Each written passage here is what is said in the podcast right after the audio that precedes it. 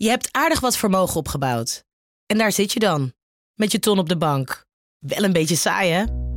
Wil jij, als belegger, onderdeel zijn van het verleden of van de toekomst? Bridgefund is een slimme fintech die een brug slaat tussen de financiële behoeften van ondernemers en van beleggers. Dus wie belegt bij Bridgefund krijgt niet alleen een mooie vaste rente, maar brengt ook ondernemers in beweging. Echt waar, met die ton kan je zoveel betere dingen doen. Bridgefund. Make money smile. Vanaf de redactie van NRC het verhaal van vandaag. Mijn naam is Thomas Ruip.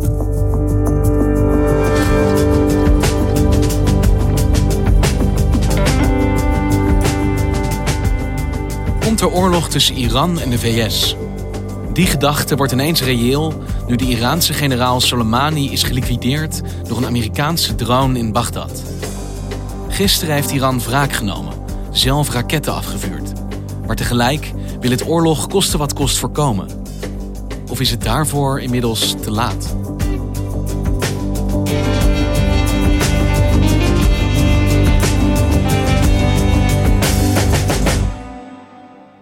Het begon allemaal op vrijdagochtend, toen generaal Soleimani vanuit Libanon per vliegtuig arriveerde in, in Bagdad. Floris van Straten is Midden-Oosten-redacteur voor NRC. Door de jaren heen was die generaal Soleimani eigenlijk ja, de belangrijkste militaire figuur geworden binnen en buiten Iran. Toen hij op het vliegveld van Bagdad in een auto stapte, meteen op dat moment eigenlijk werd hij geraakt door een raket die door een drone uh, was afgevuurd. En hij samen met een andere belangrijke Iraakse militieleider waren in één klap uh, morsdood. Ze hebben maar met moeite nog kunnen vaststellen dat het inderdaad Soleimani was. Dat bleek volgens de verhalen uit een hand met een ring die hij altijd droeg. En dat zorgde voor een enorme commotie, niet alleen in Bagdad, maar eigenlijk wereldwijd. I don't know if you know what was happening, but he was planning a very major attack, and we got him. The U.S. officially classified him as a terrorist, but in Iran, he was a national hero. The death of Qasem Soleimani in Baghdad ignited a new chapter of regional tensions. Hundreds of thousands of mourners have packed the streets of Tehran to honor Qasem Soleimani. Iran has announced they will no longer honor the 2015 nuclear agreement. They're going to ramp up nuclear production. A commander of Iran's Revolutionary Guard said his country has 35 U.S. targets in its crosshairs, ready to pull the trigger. En Floris, het jaar is natuurlijk net begonnen, maar ik denk eigenlijk dat we wel met zekerheid kunnen zeggen dat dit een van de bepalende gebeurtenissen van 2020 gaat blijken te zijn. Maar er is één ding dat ik moeilijk vind te begrijpen. We hebben hier dus een Iraanse generaal die door een Amerikaanse raket wordt gedood op Iraaks grondgebied. Hoe zit dit? Nou, het is eigenlijk belichaamd, die dood van Soleimani in Bagdad, hoezeer Irak de laatste jaren speelbal is geworden van zowel de Verenigde Staten als Iran. Beide landen proberen al bijna twee decennia maximale invloed in Irak te krijgen. En om er vooral ook voor te zorgen dat de tegenstander, het zij Amerika, het zij Iran, niet zelf daar meer invloed krijgen. En hoe moeten we begrijpen wat daar nou precies gebeurt? Wat die krachten zijn die daar botsen in Irak? Nou, heel veel valt terug te voeren wat Iran betreft op de oorlog tussen Iran en Irak in de jaren 80. Iraq aimed to establish itself as a Gulf power by neutralizing its closest rival, Iran. The wreckage of an Iranian jet fighter shot down over Iraq in the war that's shaken the whole Gulf region and the wider world beyond. Dat is echt, dat beseffen mensen vaak niet, een heel belangrijk element geweest dat tot nu toe nog altijd doorwerkt. Want wat gebeurde er in 1980? Iran had nog maar net een islamitisch regime gekregen. De Shah, eh, die door Amerika was gesteund, was uh, verjaagd. En er was een revolutionair islamitisch regime in Teheran gekomen. Dat nog heel uh, slecht georganiseerd was en kwetsbaar. En op dat moment werden ze aangevallen door het Irak van Saddam Hussein. Die oorlog heeft zich grotendeels afgespeeld ook op Iraans grondgebied. In streken waar ook veel oliewinning was. En daar zijn honderdduizenden Iraniërs bij omgekomen. Veel meer Iraniërs ook dan Irakezen. Fought in the name of religion, it sent hundreds of thousands to their deaths in human wave assaults.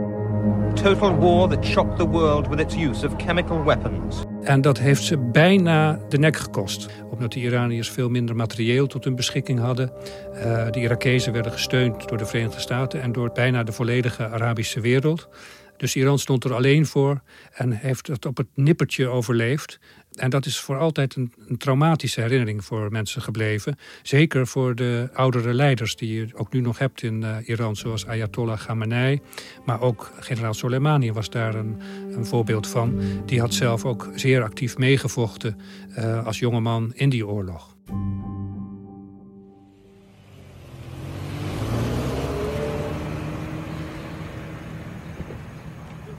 En ik ben zelf tijdens een recente reis ook op de immense begraafplaats geweest ten zuiden van uh, Teheran.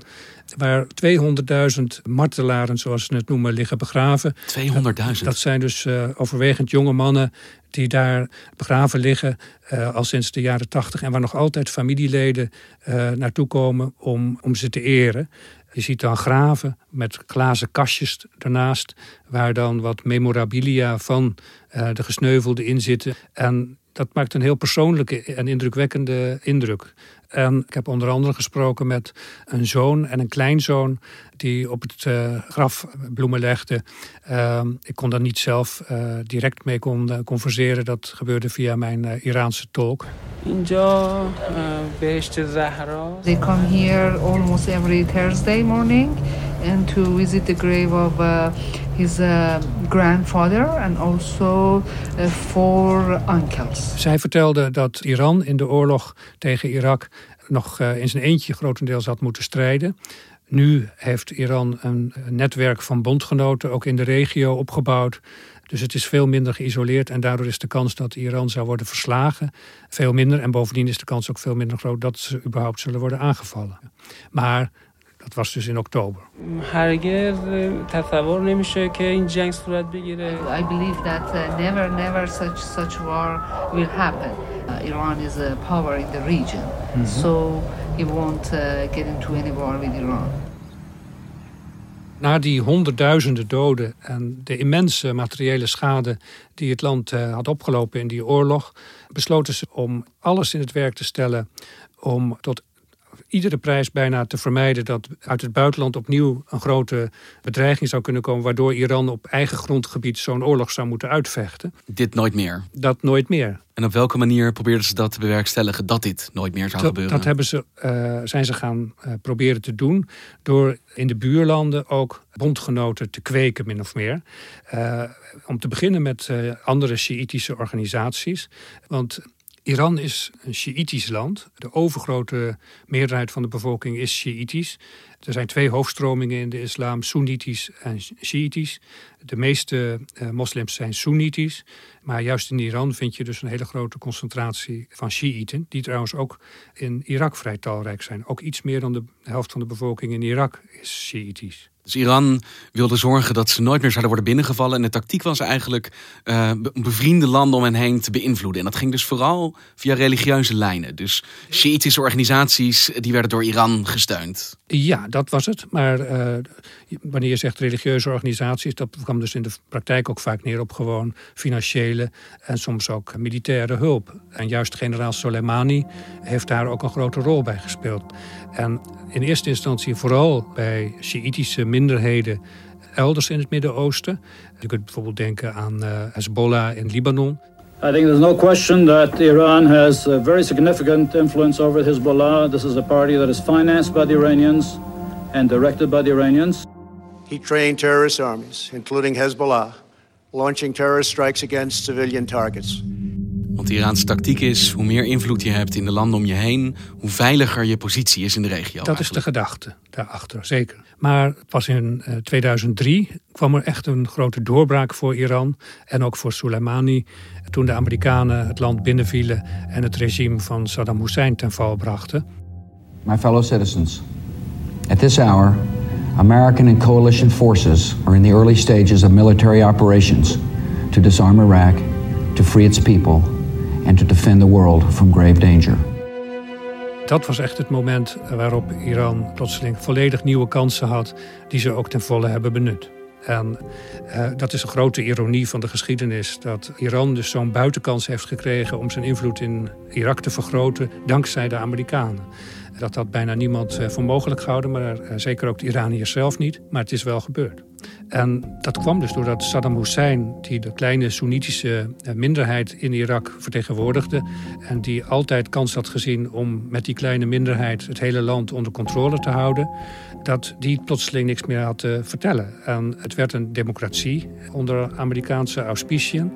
En de Shiiten, die altijd al de meerderheid vormden van de bevolking in Irak ook, die kregen dus nu plotseling alle kansen om zich te ontplooien en zich ook politiek van de zaken meester te maken. Maar het lukte Iran dus om zijn macht enorm uit te breiden in de regio. Nu dus zelfs ja, de gezworen aardsvijand Irak uh, tot een belangrijke bondgenoot weten te maken. Maar dat klinkt gewoon als een missie geslaagd dus. Dat beleid werkt. Nou, veel Iraniërs vinden zelf van wel, althans de mensen die namens het regime spreken. Je hebt in Iran een uh, professor Marandi, hoogleraar aan de Universiteit van uh, Teheran. Ik heb hem zelf ook gesproken bij mijn bezoek. Die vaak optreedt als uh, woordvoerder van het regime.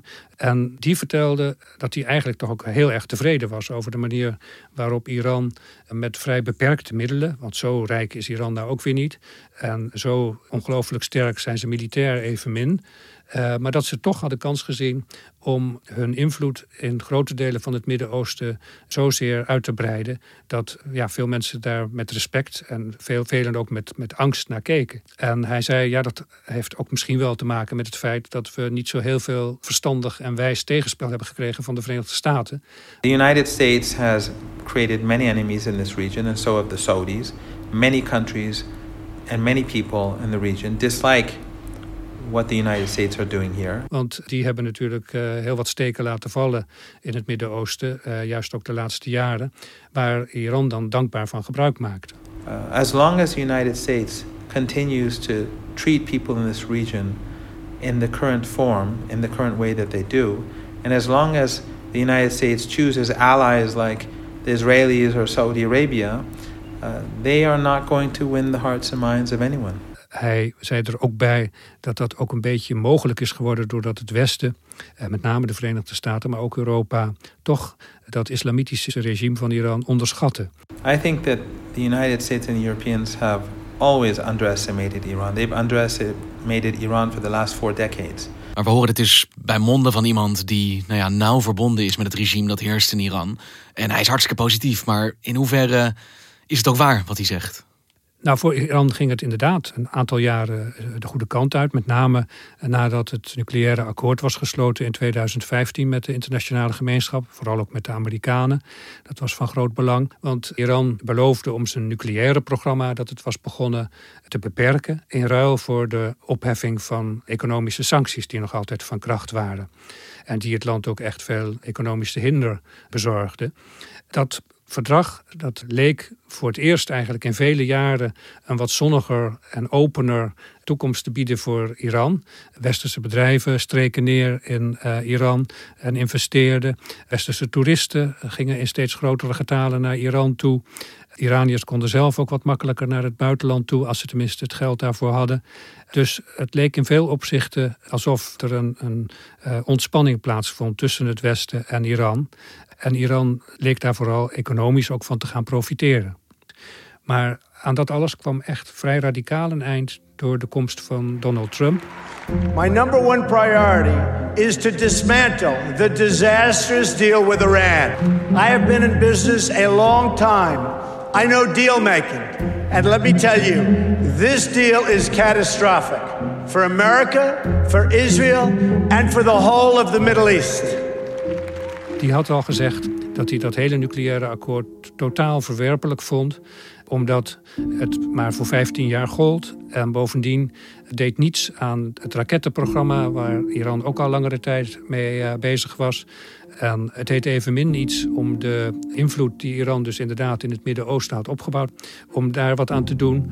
Dus Trump zei dit moet onmiddellijk gestaakt worden. En hij is er toen in 2018, toen hij al goed en wel president was, heeft hij uh, dat akkoord eenzijdig opgezegd en heeft zich eruit teruggetrokken. I am announcing today that the United States will withdraw from the Iran nuclear deal.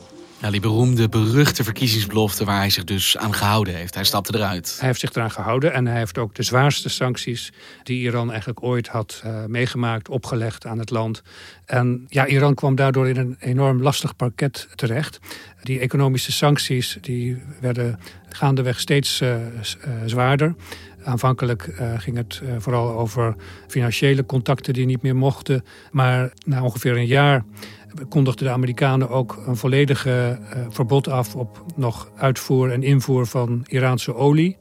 En dat was natuurlijk wel bijna de doodsteek voor de Iraanse economie. Want Iran hangt in hoge mate af van die inkomsten uit de oliesector.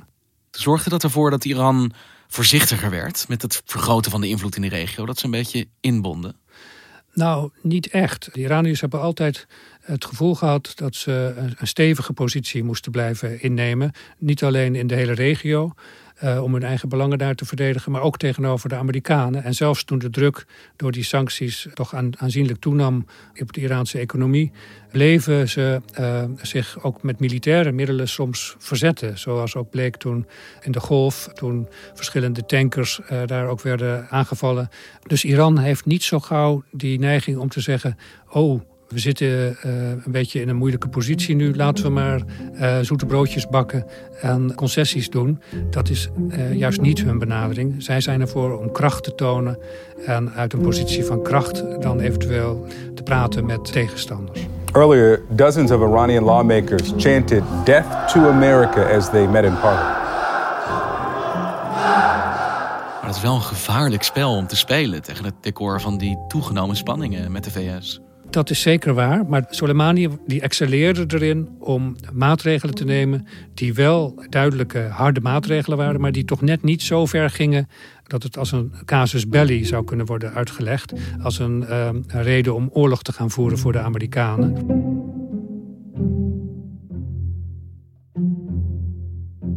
Maar ja, Trump heeft hem laten liquideren. Dus kun je niet op een bepaalde manier zeggen dat hij of Iran toch uh, hun hand overspeeld hebben? Dat zou je kunnen betogen, dat doen ook sommigen.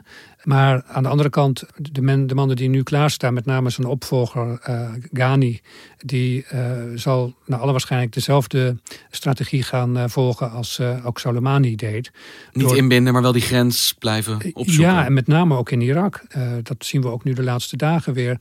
Daar proberen de Iraniërs uit alle macht om de druk op Amerika te vergroten om zijn troepen daar weg te halen. Ja, want de grote vraag natuurlijk die de afgelopen dagen overal echoot is... wordt het oorlog? Zeg maar. Hoe gaat deze escalatie aflopen? Hoe kijk jij daar tegenaan?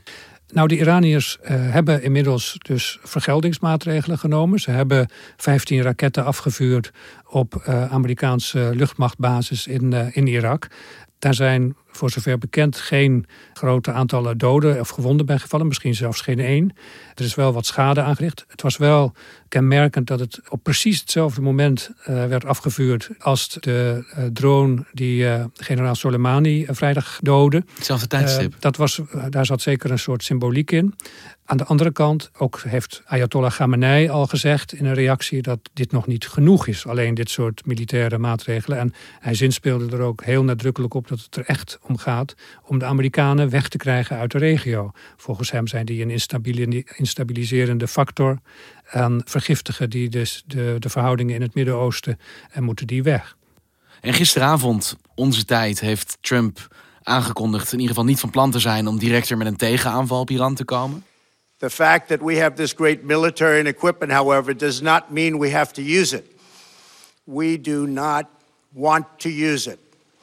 American strength, both military and economic, is the best deterrent. Is het dan nu de vraag wat Iran gaat doen? Het wachten is eigenlijk op wat beide nu verder doen.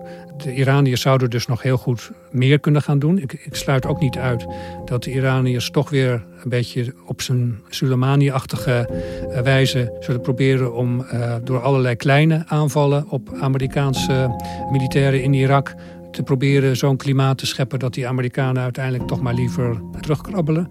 Maar zeker weten doen we dat natuurlijk nog niet. Luistert, denk ik nou wel, wie wat nu precies gaat doen. Zeker. En ze weten ook van elkaar dat ze eigenlijk allebei een oorlog liever willen vermijden. Maar ze willen ook geen van twee gezichtsverlies leiden. En uh, hebben ook allebei grote belangen in de regio. Die niet altijd makkelijk met elkaar zijn te verzoenen natuurlijk. Dankjewel, Floris. Graag gedaan. Je luisterde naar vandaag, podcast van NRC. Eén verhaal, elke dag. Dit was vandaag, morgen weer.